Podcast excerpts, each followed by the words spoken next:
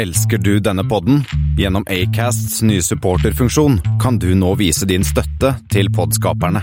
Det er helt opp til deg hvor mye du ønsker å bidra med. Klikk på lenken i podbeskrivelsen for å støtte podkasten.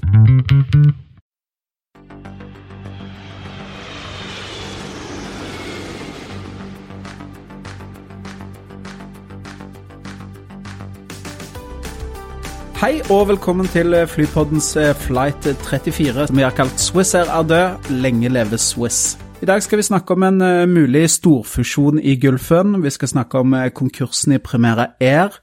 Endringer i eurobonus. Vi skal snakke litt om ruter som har blitt nedlagt, og at det er en liten merkedag for Queen of the Skies. Når vi spiller inn dette i dag, så er det 2. oktober, og det er dagen 17 år etter konkursen i Swiss Air. Og det blir jo da dagens hovedtema. Med oss i dag så har vi da undertegnede Thomas Lone og Espen Næss. Og Christian Kamme. Og vi har i dag gått til anskaffelse av et nytt litt sånn studioanlegg, Christian. Dette blir spennende å se hvordan det skal fungere. Ja, vi, ut, har lagt, vi har lagt ut bilder allerede, men det er jo altså mikrofoner og ledninger og miksedingser og ja. Det er jo en, en, en, helt en liten elektronikkbutikk på, på møterommet her nå, Thomas. Ja, og det tar meg egentlig til neste, Christian. Det går rykter om at du har blitt, om ikke kjøpmann innenfor elektronikk, så har du begynt i elektronikkbransjen? Ja, jeg begynte på ny jobb denne uken her som det, Senior Communications Advisor i Elkjøp Nordic som er da konsernet som eier Elkjøp i Norge, og Elgiganten i, Finland, nei, i Sverige og Danmark, og, og Giganti i Finland, og noen franchisebutikker på Grønland og Island og Færøyene som selger elektronikk, eller 'Bringing the amazing world of technology to everyone', som vi sier i, i konsernet. Da får vi gratulere med, med ny jobb. og du, du, har jo hatt en litt utvida sommerferie, da? Ja, jeg tok jo sluttpakke før sommeren og har hatt fire måneder sommerferie hvor jeg har uh, spilt uh, Money for Nothing på full guffe og, og kosa meg. Og bare gjort litt sånn små franchise, nei, frilansopplegg og sånn. Og det har jo vært veldig greit for Flypodden, for alt sånn dagtidintervjuer og ting som har skjedd på dagen, har jo du stått for, eh, siden du har hatt det. Ja. Jeg, altså, jeg har jo hatt så mye tid. Eh, men nå var det sånn at ungene og kona begynte å ta det litt for, litt for uh, gitt at jeg var hjemme eh, hele tiden. Så nå eh, var det på tide å komme seg i jobb. Det er bra. Da, da gratulerer vi med det. Og du hører også noen rykter om at du har vært på tur siden sist, Espen? Ja, det stemmer. Nå har også jeg vært på tur. Det er nesten et par måneder siden sist. Det var en årlig blåtur i guttegjengen. Eh, det er alltid spennende å dra til, opp til OSL og ikke vite hvor i all verden man skal. Og denne gangen eh, var det jo en liten twist, eh, for arrangøren nektet å gi oss boarding card. Så vi satt på OSL og drakk øl fram til det var boarding, og gikk så på flyet til Stockholm, overbevist om at vi skulle dit.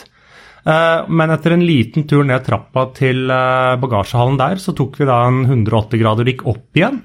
Et, fant et nytt sted, for mer burger og øl.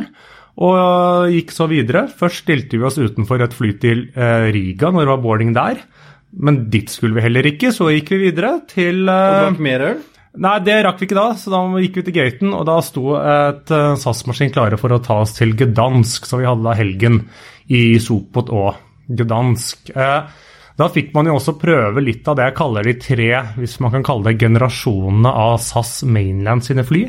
Begynte med en 2014-modell 737-800. Så gikk vi over på en Airbus A320 Neo.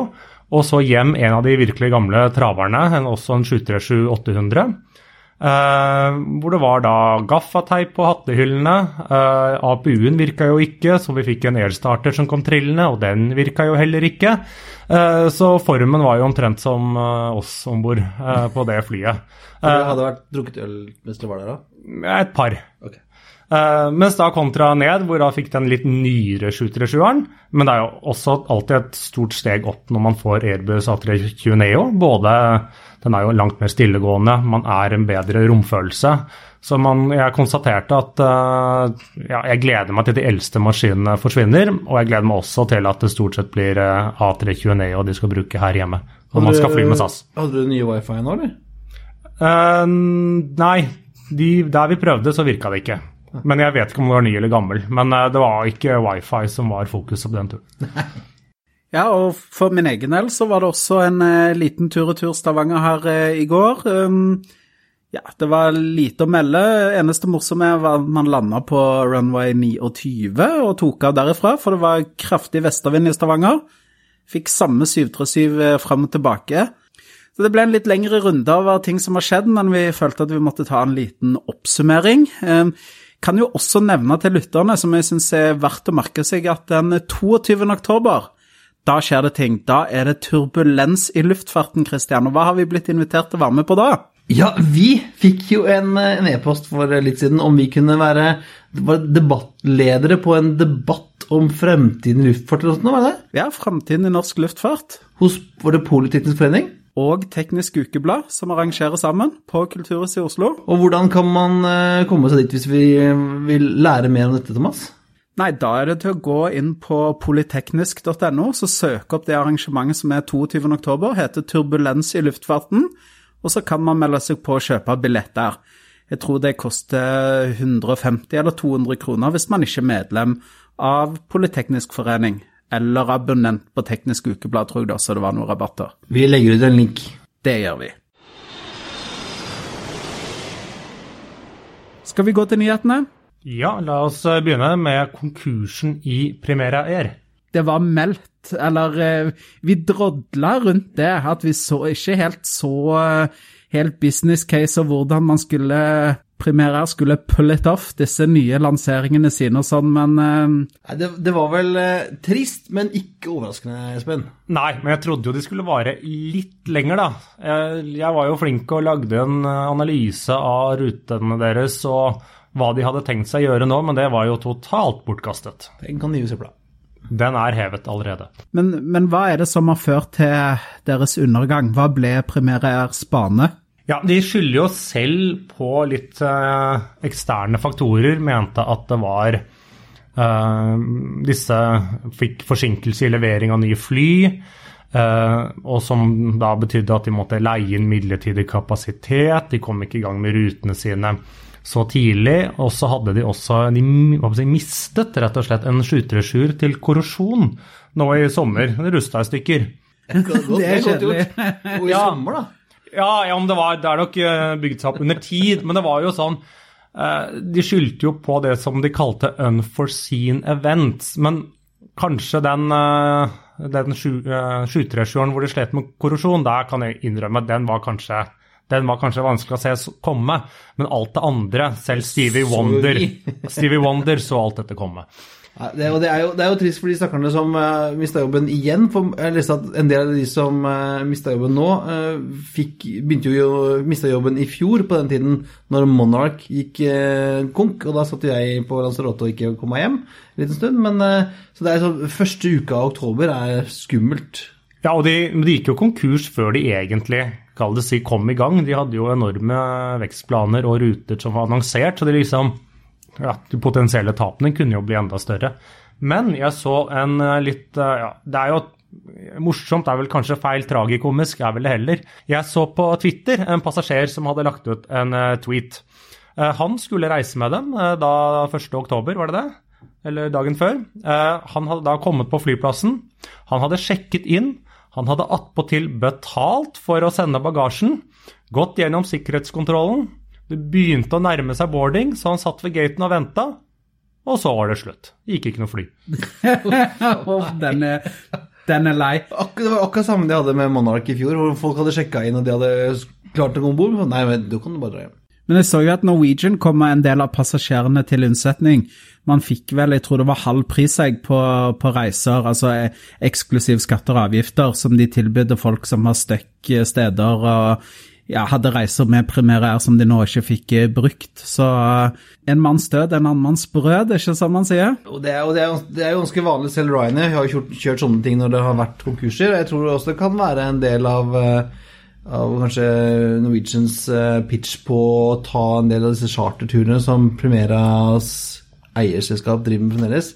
Ja, for det er jo nå et spørsmål hvem skal ta over flyene deres, og ikke minst hvem skal ta over rutene.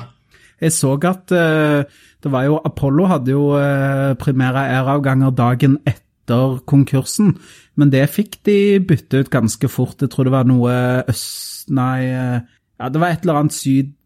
Gresk selskap eller noe sånt som kom inn der. Jeg husker ikke helt hva det var, men de fikk mønstre en maskin ganske raskt, i hvert fall.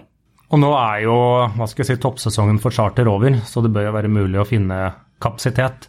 Og det er vel også den delen av Primera, slik jeg forsto det, som gikk bra. Uh, eller aner ikke hvor ikke bra. Så ikke så dårlig, men som, der er det jo et jevnt over marked. Uh, og så vet jeg ikke om det har hatt noe å si i år, for det har jo vært en veldig bra sommer her som gjør at passasjertallene kanskje har vært uh, dårligere på det de tidligere har tjent brukbare penger på, i hvert fall. Men er det ikke sånn at charter er ganske sikre penger? De tar jo en pris for å fly, og så er det opp til reiseselskapene å fylle opp skjæret? Jo, altså, men jeg tror også det sier, jeg tror kanskje den delen, eh, sydenturene, har ikke vært det som har, vært, eh, det som har knekt ryggen på dem, men det har vært eh, ruteoperasjonene, særlig longhold-operasjonene, som har vært dyre i og med at de har måttet bestille nye fly og sånn. Eh, men eh, og nå står det jo noen De har jo fått noen sånne A321 Neoer levert. Og jeg tror, som vi snakket om tidligere, at eh, markedet for, for de er da ganske bra. Jeg tror nok de leasingselskapene som har tatt arrest av de rundt omkring i Europa, er, har, får plassert de på nytt sted ganske, ganske kjapt. Ja, de var jo alle leaset, og har da en del av disse leasingselskapene som sikkert har en fin kundeportefølje fra før. Og så er det jo kurante fly. Det er splitter nye Airbus A321 Neo. De hadde fem av dem som de hadde fått levert og puttet i drift, så de har jo da motorer, i motsetning til et par andre fly. Jeg så det var en, en, en ny Max 8 deres også, som sto i, i Seattle ute den var, den var, ikke lakkert engang? Ja, jeg så også bilde av det, så den bør vel også klare å finne seg en ny eier. Og så har de også Airbus har vel tre eh, fly som står sånn mer eller mindre halvferdige nede i Hamburg. Så ja, det var ikke uventa, men eh, trist når det skjer. Så da tror jeg at vi lukker det kapitlet, så får Espen eh, fri fra sin primære æreoppgave. Så får vi finne noe annet for Espen å følge. Det får bli hjemmeleksen vår, Christian. Får vi spille Queen Another One Bites Dust på høyt nivå. Det får vi gjøre. Og jeg kan da finne et nytt selskap jeg kan følge, og som eventuelt går konkurs etter hvert. Det fins vel en annen du kan ta der. Det er noen andre folk på Island tror jeg, som sliter litt òg. Ja da, det er mange å ta av. Ja. Da er det jo noen andre, Vi har noen som ikke gikk konkurs med det første, i hvert fall. Eh, våre venner i SAS, som leverer gode resultater. De har jo nå erta på seg noen folk, Thomas, for de har gjort noe med jeg, jeg, har, ikke, jeg har, jo vært i sånn nyjobbrus. Jeg har liksom ikke fått med så mye. Men jeg har skjønt at det, det er noen debatt på, på internettet om SAS sine nye regler for opptjening av julebonuspoeng, som visstnok suger. Ja, vi er jo ikke noe bonuspoeng-podkast, men tenkte vi kunne ta med allikevel det. Og, og, her skal vi faktisk ta SAS litt i forsvar, syns jeg. Eh, lang historie kort, så med, med, null dagers varsel så bestemte SAS seg for at eh, opptjeningen i de lavere billettklasser i, i Go, den blir brutalt eh, redusert. Opptil opp til 95% på enkelte lange 90-95% på enkelte langruteavganger. Og det har hissa på seg utrolig mange. Um, nå er det sånn at opptjeningen i SAS Pluss, Business og i de litt dyrere Go-klassene eh, eh, det blir sånn som det er. Men dette har jo i bonuspoengmiljøene skapt en furore uten like. Ja, nå var det vel litt Longhold fikk vel kanskje ganske kraftig kuttet, det er også noen Go-klasser, men hvis du så på dette innen Europa, så var det jo stort sett disse Go Light, som er litt sånn for de som reiser helt uten bagasje og ikke har med seg kone og ikke unger og ikke skal være lenge borte. og Jeg vet ikke hvor hvor mange som faktisk reiser på de billettene. Nei, og det er jo, sånn, det er jo en trend sånn som vi har sett Brussels Airlines har gjort, Lufthansa og sånn, har kuttet ut opptjening i disse veldig billige, lave bookingklassene. Jeg tenker at, jeg skjønner godt at SAS gjør dette her, og jeg ser det noen som kommenterer at ja, men blir det riktig at man skal tjene mer poeng på å kjøpe brokkoli, banan og frukt og grønt på Kiwi?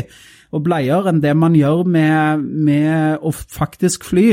Og da tenker jeg ja, det er helt naturlig, for det gir en mening fra SAS sitt eh, synspunkt, Espen. Ja, jeg tror jo SAS tjener mer på når du kjøper eh, brokkoli på Kiwi, enn eh, når de selger deg en billett til 300 kroner et eller annet sted. Fordi 300 kronene dekker jo ikke kostnadene, men når du får noe penger for å kjøpe brokkoli, så har du jo ikke noe, egentlig noe kostnad, særlig kostnader med det.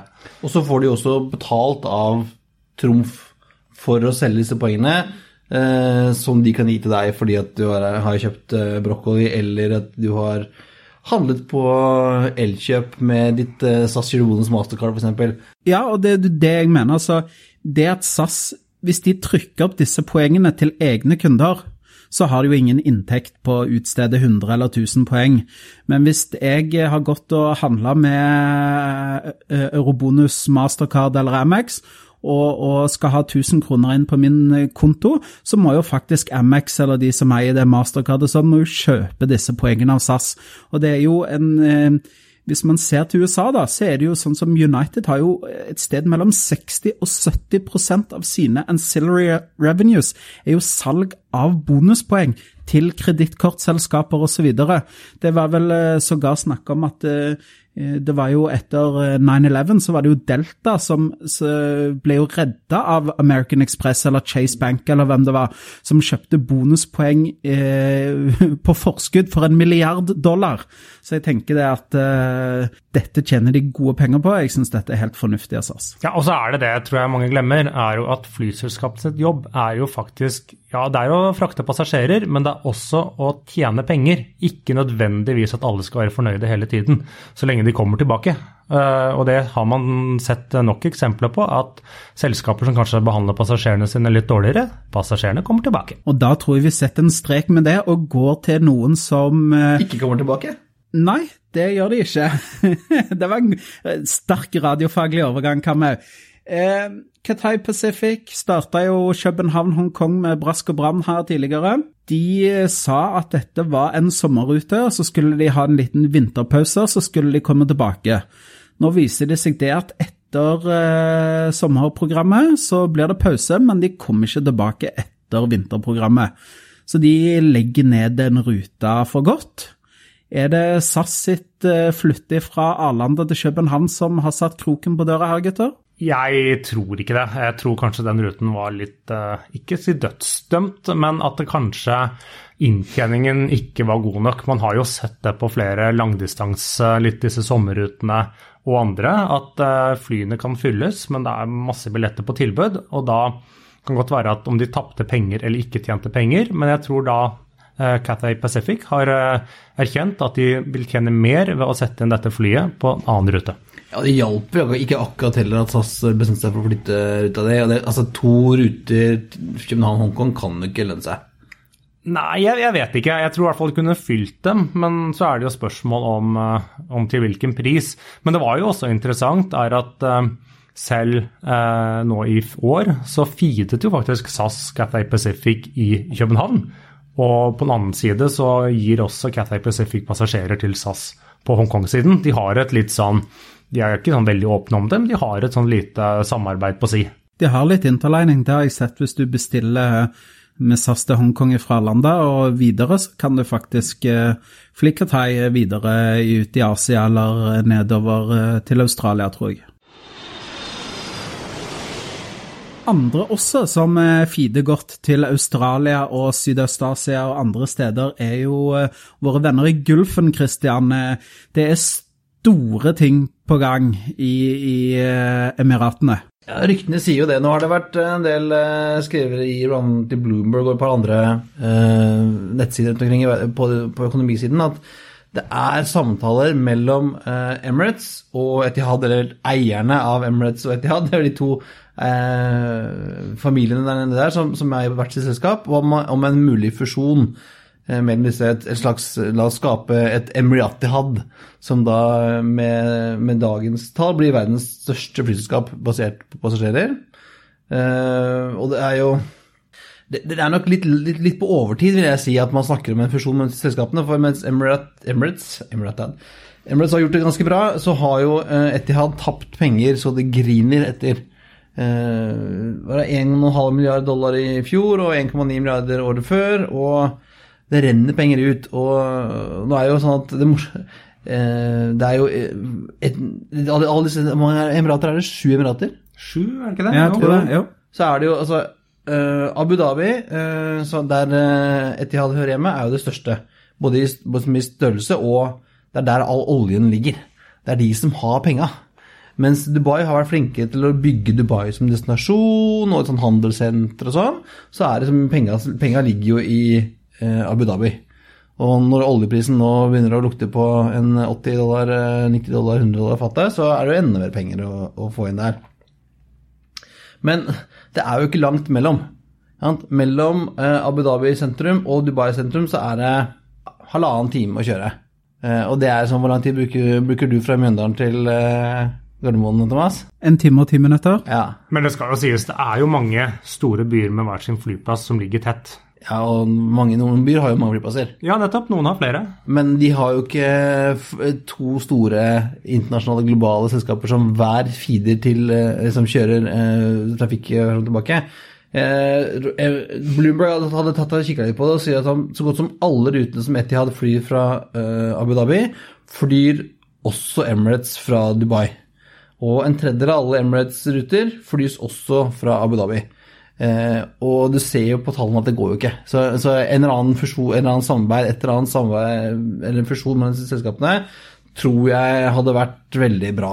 For, for, for det går jo ikke. Men hva tror du de som leverer flymaskiner, Airbus og Boeing, tenker? Fordi at de har jo store bestillinger, eh, begge flyselskapene her. Det er jo ikke akkurat eh, snakk om eh, åtte A350-er som, som er i bestilling. Nei, Etihad har vel var 174 fly på bestilling til en verdi av 46 milliarder dollar. Sånn listepris i hvert fall. Så, så det er klart det er en, en fusjon mellom selskapene vil jo bety mindre fly, for de må jo, kunne, må jo tvinges til å kutte noe av rutene, for det er jo mye overlapp. Eh, gir jo ikke mening. Og sånn som Emirates har jo eh, nesten en dullion A380-er fremdeles i bestilling, så, så det er jo mye kapasitet som, eh, som kan komme inn hvis alle disse flåteordrene skal opprettholdes. Og så har du, men så nå kommer jo den nye den Al Maktoum-flyplassen, skal åpnes snart, kanskje muligens, og den ligger jo enda nærmere, eh, nesten på grensa til Abu Dhabi. Så det hadde jo vært en måte for dem å, å du, save face ved å sammen, slå sammen og ha en felles flyplass på grensa, eller I don't nå. Men du er ikke helt enig, Espen? Jeg er ikke helt enig. Eh, Det eneste, eller skal jeg si, hvis dette skal bli noe av, så kommer det an på om da disse, denne kongefamilien i Abu Dhabi ikke vil drive flyselskap lenger. Eh, Det har jeg egentlig ikke troen på. Jeg tror de eh, har lagt såpass mye prestisje i det. De kjøper jo opp fotballklubber for gøy for å liksom konkurrere. Enhver familie må jo ha sitt eget flyselskap, eller hva kan vi? Ja, det er det jeg prøver å si hjemme, men jeg får ikke sånn gjennomslag for det. ass.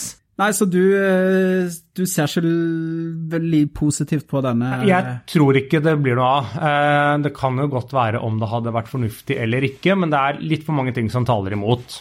Én ting er at ja, noen har kanskje snakket sammen. Det er eh, kanskje mer røyk enn det er ild. Eh, det er den ene. Og de har jo også gått ut i media selv og avkreftet at de gjør det. Eh, men så til et par av punktene her. at Etihad går ikke fullt så dårlig som de tallene du presenterte, Christian. Eh, nå skal man huske at de enorme tapene de hadde i 2017 og 2016, veldig mye av det kommer jo fra Air Berlin, det kommer fra eh, Alitalia, og det kommer fra alle de selskapene de har bare tømt penger, som har vært et svart hull. Og det har jo de tapt enorme penger på. Eh, og, men jeg tror jo ikke akkurat at selve kall det si et core Etiad.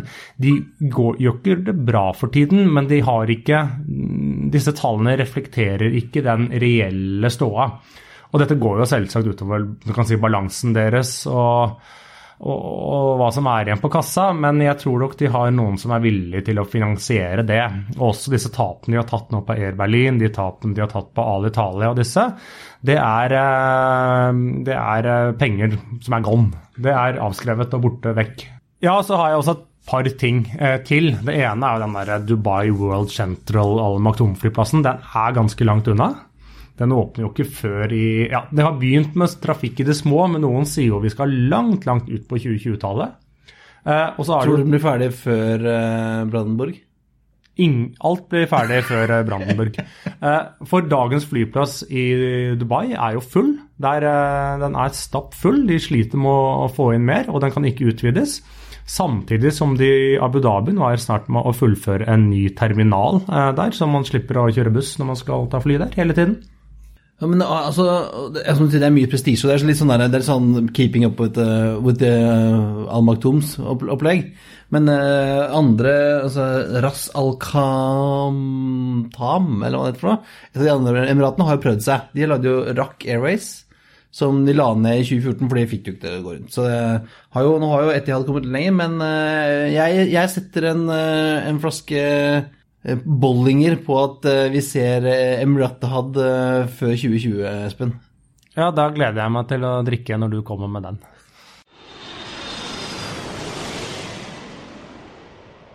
Sånn er Bare en liten notis. Det, nå, det, var jo nå den 30. september, så var det 50 år siden den første 747-en rullet ut fra hangardørene på Everett eh, i, utenfor Seattle. og det Tenk dere det, altså en så svær maskin har holdt gående i 50 år, og de har eh, leverer nye, om ikke hver dag, så kanskje en i måneden eh, til flyselskaper rundt om i verden. En liten eh, fun fact, om, fun fact om akkurat det var jo at også de opplevde store forsinkelser i starten, hvor da masse fly ble stående halvferdig, og gjett hva de manglet?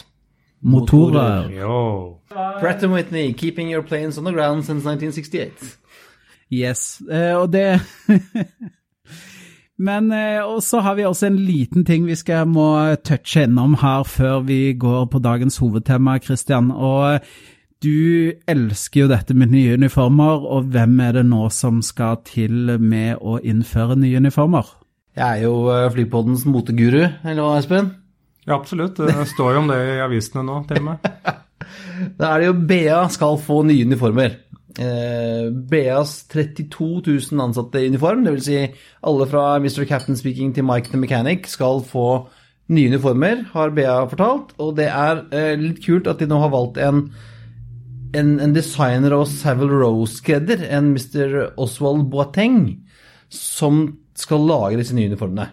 Uh, og jeg synes det er kult når, sånn, når til og med James Bond går i Tom, amerikanske Tom Ford-dresser og kjører Ford, så er det kult at, at et selskap som BA, ordentlig erkebritisk, går andre veien og velger en, en fyr fra Savile Row til å lage de nye uniformene. Og Savile Row det kjenner jo til og med jeg til, som ikke er inne i herremotet, Christian. Det er jo for de som ikke Det er sånn skreddergaten i London, der man Det er liksom det ordentlig Det sitter tradisjon i veggene, og folk har eh, sydd dresser siden 1802 omtrent. Eh, og det er altså hvor man kan gå og få sydd seg en skreddersydd dress for en ja, 4000-5000 pund, bare. Altså småtteri. Da tenker jeg det kommer denne filmen, det kan kanskje være ukens anbefaling, denne Kingsman-filmen ene. Den er jo fra Savile Row. Det eneste som jeg eh, Jeg har kikket litt på han Jeg har aldri hørt om han uh, Oswald Botheng før, men jeg kikker litt på han nå. Det er, jeg syns det er kult at de velger en, en skredder fra Savile Row, men så ser de på hva han har gjort, så han, han, er, litt, han er litt, for min del, litt for uh, fashion uh, og litt for lite tradisjonell. Så jeg er redd for at det blir liksom litt sånn som vi har sagt om før med, med både Turkish og uh, Delta, at herreuniformene ser rare ut. Litt skuffa. Du foretrekker det litt mer stiff upper Jeg hadde tror ikke liksom The Huntsman eller uh, eller, eller liksom Henry Poole eller en av disse mer tradisjonelle, selvfølgelig. Og det var dagens innslag fra motehjørnet her i Flypodden, så da tenker jeg at eh, vi har jo vært inne på konkurs en gang i dag, eh, en nylig konkurs. Og da tenker jeg at vi kan skru klokken 17 eh, år tilbake i tid og se på hvem gikk konkurs for nøyaktig 17 år siden, Espen? Da gikk gode, gamle Swisser konkurs. Og det, det er derfor podden vår i dag heter Swiss er død, lenge leve Swiss. Og Swiss er, jo, Swissair er jo et selskap som har ganske mye historie, og til og med noen forgreininger eh, her oppe i nord. Ja, Swisser Swissair var jo kanskje et av de gamle, klassiske selskapene. Alle visste om det. Dette var kvalitet fra A til Å. Eh, det var solid, trodde man i hvert fall inntil et visst tid. før det gikk galt. Men for å gå litt uh, tilbake uh, sånn eh, eh, For å gå litt tilbake, eh, og som du var inne på, med da kall det si forgreininger mer til det hjemlige, så hadde jo bl.a. Swissair og SAS en del eh, samarbeid. Eh, Et av disse DC8-kjøpene eh, gjorde de delvis sammen, for de var hver mm, ganske små, så jeg vet ikke for å få en eller annen stordriftsfordel. Så de hadde et samarbeid der, for de var jo veldig glad i eh, produktene fra gode gamle Douglas, eh, begge to. Eh, De hadde et vedlikeholdprogram for den gode gamle Sud Caravelle eh, som de kjørte sammen. Og de hadde vel det samarbeidet sammen med KLM og UTA også, det KSSU-samarbeidet, som også gikk på en del vedlikehold. Så eh, jeg vet at en del av våre lyttere og, som har enten jobbet på SAS Teknisk eller hatt familie på SAS Teknisk, har jo fortalt at det kommer jo gjerne Swisser MD80 eller Swisser fly opp hit for å bli vedlikeholdt. Sendte man SAS-fly litt her rundt omkring. Ja, så hadde de noen sånn sammenheng eh, Nei, noe samarbeid når det kom til eh, å utstyre disse, sånn at de hadde litt sånn like løsninger. Ja, for det var litt sånn der man kjøpte sammen og fikk en bra deal, og, og de var litt sånn Man kunne bytte og lease til hverandre og sånn også. Ja, altså jeg, jeg tror det var spesielt, eh, selv om ikke de byttet akkurat de, de byttet jo mye MD80 mellom hverandre og DC9-ere, men de hadde jo noe sånn samarbeid også når det kom til DC9 og, Boeing DC10 og sånn, 747-200. ja. Og, DC10, ja. Eh, og Swissair var jo også launch customer for flere si, historiske modeller. De var det første selskapet som fikk Airbus A310, eh, 200-varianten. De var først ute med DC951 og da den DC981, som jo senere ble til MD80, som var jo en eh, velkjent eh, traver her til lands. Eh, og som du er inne, på, de leaset litt sånn fly på kortere og lengre tid med bl.a. SAS her hjemme. Men så kom man jo inn på 90-tallet, eh, hvor det begynte å bli en Man begynte innenfor EU og Europa en liberalisering av flyselskapene. Man begynte å kanskje se slutten på disse nasjonale eh, flyselskapene, statseide, Ja, og, og hvor eh, Janne Carlsen snakket om at SAS skulle være one of five in 95. Ja, rett og slett den. Og den eh, sa jo egentlig Swisser òg.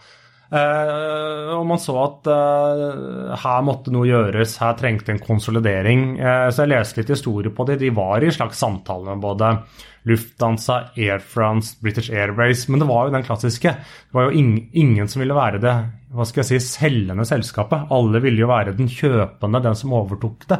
Og det så man jo også. De var jo eh, tett involvert i dette Alcazar-prosjektet. Til SAS også, ja, det de var vel ganske nærme på, på å få til noe sammen med KLM vel også da. Ja, og litt grann Austrian. Det var ja.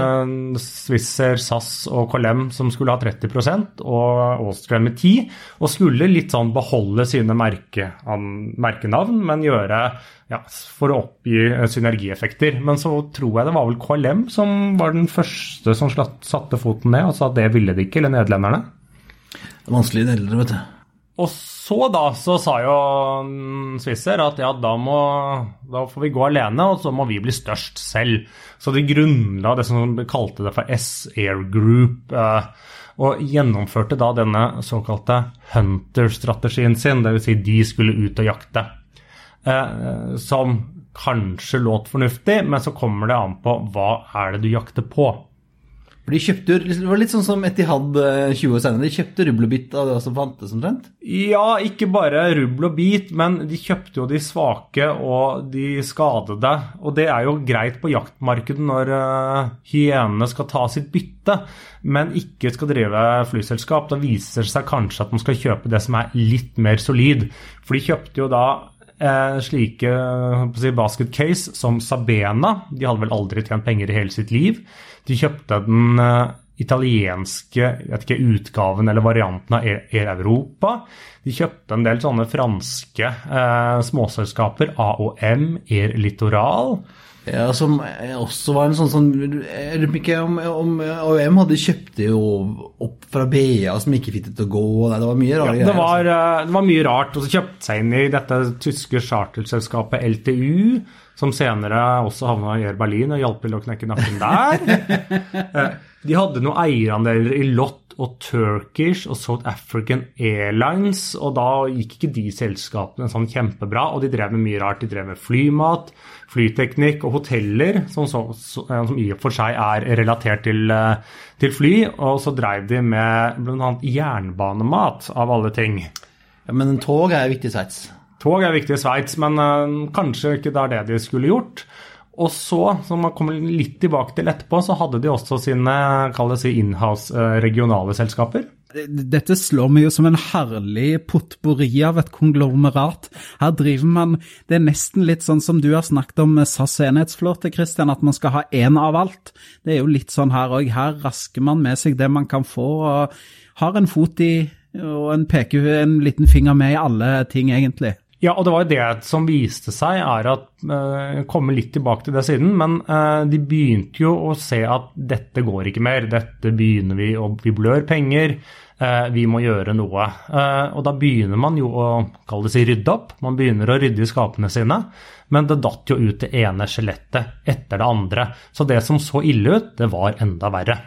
Og det, og det er en, en, en, fin samling av logoer som vi skal legge ut på poddens side, på flypodden.no. og Noen av navnene kjenner vi igjen fremdeles. Det er Nuance Group, Gate Gourmet. Ja, og ikke Swissport. Ja, og Swissport de driver jo og sjekker inn folk både her og der. Jeg har, eh, blitt, uh, jeg har blitt fått sjekket inn kofferten min av dem på flyplasser rundt i hele verden eh, mange ganger. Og gode gamle SR Technics lever jo fortsatt mm. videre. Det var forresten de som installerte de nye kabinene på SAS sine langdistansefly for et par år siden. Men så har du litt mer uh, udde caser som Restorama. Eh, og Jackie Maeder, som jeg aldri har hørt om. Nei, det Ikke, ja, ikke, du ikke meg heller. Men så hadde du jo to innenlands flyselskap, Balair, som var charterselskapet, som levde helt til nå nylig. Ja, Ball... ball det var også en del av Air Berlin? Ballair, i hvert fall navnet, uh, levde jo videre. Uh, og havnet inn i Air Berlin, og jeg tror ikke de tjente penger på det, de heller. Uh, men man kan jo etter hvert dra noen dra noen paralleller til dagens Swiss. For de har litt sånn Baller, som er deres chartselskap. Det er da Edelweiss, som er jo et um, selskap i Swiss-gruppen nå.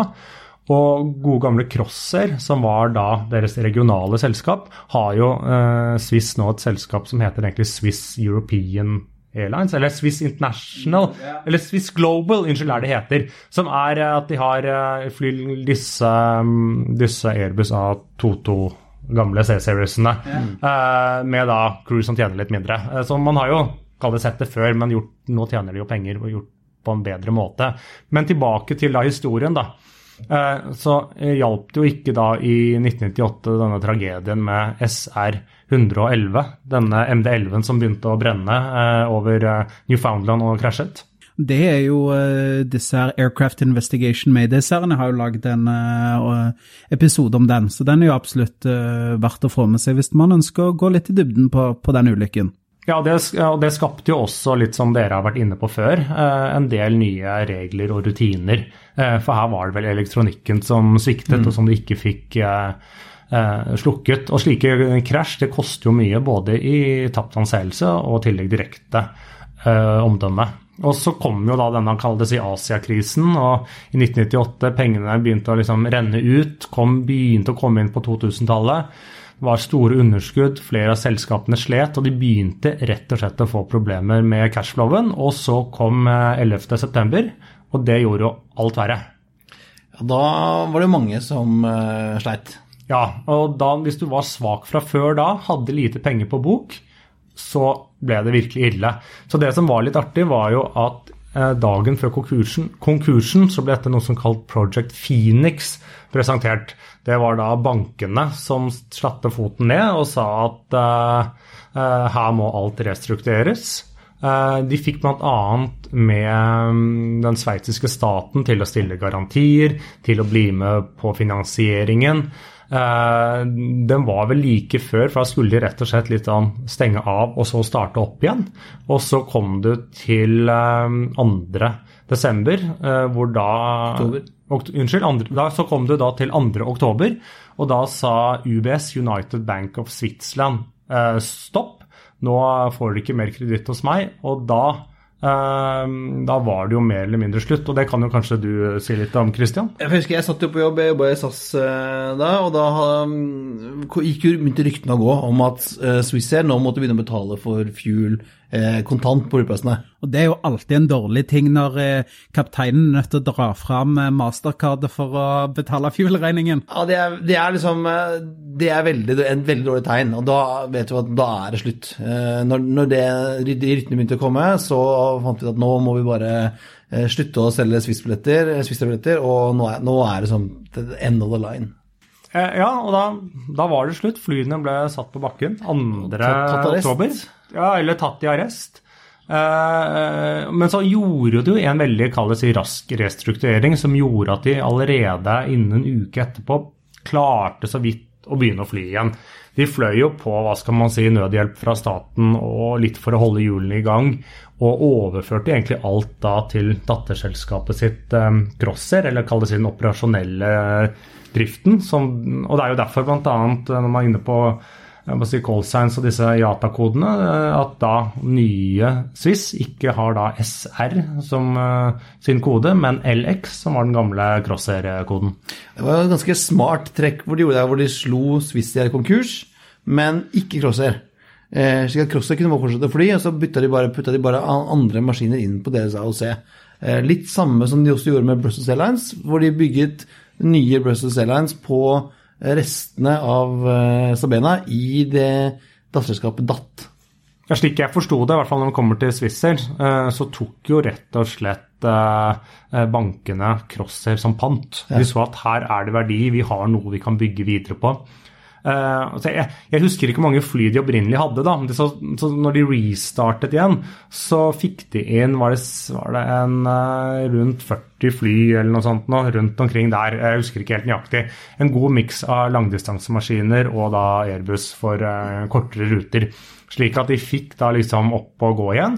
Og de, gikk, de fløy da videre som Swissair et halvt år. Fram til slutten av mars, var det vel 2002.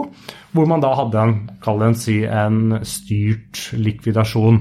Og dagen etter så startet da nye Swiss opp. Og den historien der, den det har jo stort sett vært en suksesshistorie. Lufthansa har jo kommet inn og blitt en del av Lufthansa Group, eh, og merkevaren Swiss eh, i hvert fall eh, meg bekjent er jo en utrolig sterk merkevare i Europa i dag. Ja, det er den, og ikke bare det. Det er jo de mest det er jo de, Ikke bare det, det er jo også kanskje det mest lønnsomme selskapet i Lufthansa-gruppen. Men den er jo litt da interessant. Eh, for eh, rett etter konkursen så forsøkte jo nye Swiss å få til noe samarbeid. Både BA var i en samtale med, muligens var flere selskaper. Men så ble de jo først kjøpt opp av Lufthansa. Og da kan de jo komme tilbake til denne strategien til gamle Swisser. Hunter-strategien, eller denne jegerstrategien. Den har jo Lufthansa kjørt. De har jo kjøpt opp masse selskaper, men de har jo ikke stort sett holdt seg unna de selskapene som holder på å gå konkurs, og som er et evig hull. De kjøper selskaper som er litt mer solide. Så har det alltid vært en unntak. Man kan jo spørre seg hvor bra Austrian egentlig har gått. De har jo tilsynelatende i hvert fall fått dem i balanse, men de har liksom skal du først kjøpe noe, så er det kanskje best å kjøpe noe som er solid, med mindre du har bunnløse lommer. Austrian får ikke kjøpe nye fly, da. Det er de jo litt lei seg for før de, før de, leverer litt bedre tall på bunnlinja. Så de, de sitter nok og, og, ser over til Sveits og tenker pokker, altså Swiss de får nye 777-er en masse, mens vi må holke rundt i noen gamle 777-er og 767-er på long hold. Og hele denne historien rundt liksom, uh, krasjen i Swissair og, og den derre rebirth og hva det er for noe er det ikke lagd en film om det også, Espen? Jo, det er lagd en film. Det heter The Grounding. Uh, den er på tysk. Og jeg vet den skal finnes med engelsk uh, tekster. Uh, og så er jeg litt dårlig i tysk, og jeg har gjerne lyst til å se den filmen. Så hvis en eller annen lytter der ute vet hvor finnes denne filmen med engelsk tekst, jeg har søkt, jeg har ikke klart å finne det, men kan noen hjelpe oss der, så skal de få hederlig omtale på Flypodden. Eller ikke hvis de vil være anonyme. Eller ikke hvis de vil være anonyme. Men eh, skal vi sette en strek for Swissair og, og dagens eh, program, da, gutter? Ja. Ja, Vi får vel eh, slutte å snakke før flere selskaper går konkurs. det er godt. Apropos konkurs, nå har jo vi i Flypodden investert i mer utstyr for at du som lytter skal få en mer behagelig og deilig lytteropplevelse. Så mm, jeg håper jo Ukens anbefaling må vel være å gå inn på nettsiden vår, flypodden.no, og klikke deg videre til Patron, og støtt oss gjerne med en dollar eller fem i måneden. Det setter vi utrolig stor pris på. Så, ikke, så vi slipper at min gamle arbeidsgiver kommer og ringer på døra? Det hadde vært greit. Så kan vi heller bruke disse pengene vi får inn hos din nye arbeidsgiver, Christian. Det skal vi sikkert få til, Thomas. Yes, Da var det alt vi hadde for i dag. Da er det på tide å spenne fast setebeltet, rette opp stolryggen og sørg for fri sikt gjennom vinduet før vi går inn for landing. Som alltid finner dere linker til det vi har snakka om på flypodden.no. Du finner oss også på facebook.com flypodden, på Instagram søk etter Flypodden, og på Twitter med handle at Flypodden. Takk for nå, og på gjensyn neste uke. Ha det bra! We thank you for flying with us today. We truly appreciate your business and look forward to serving you on a future flight.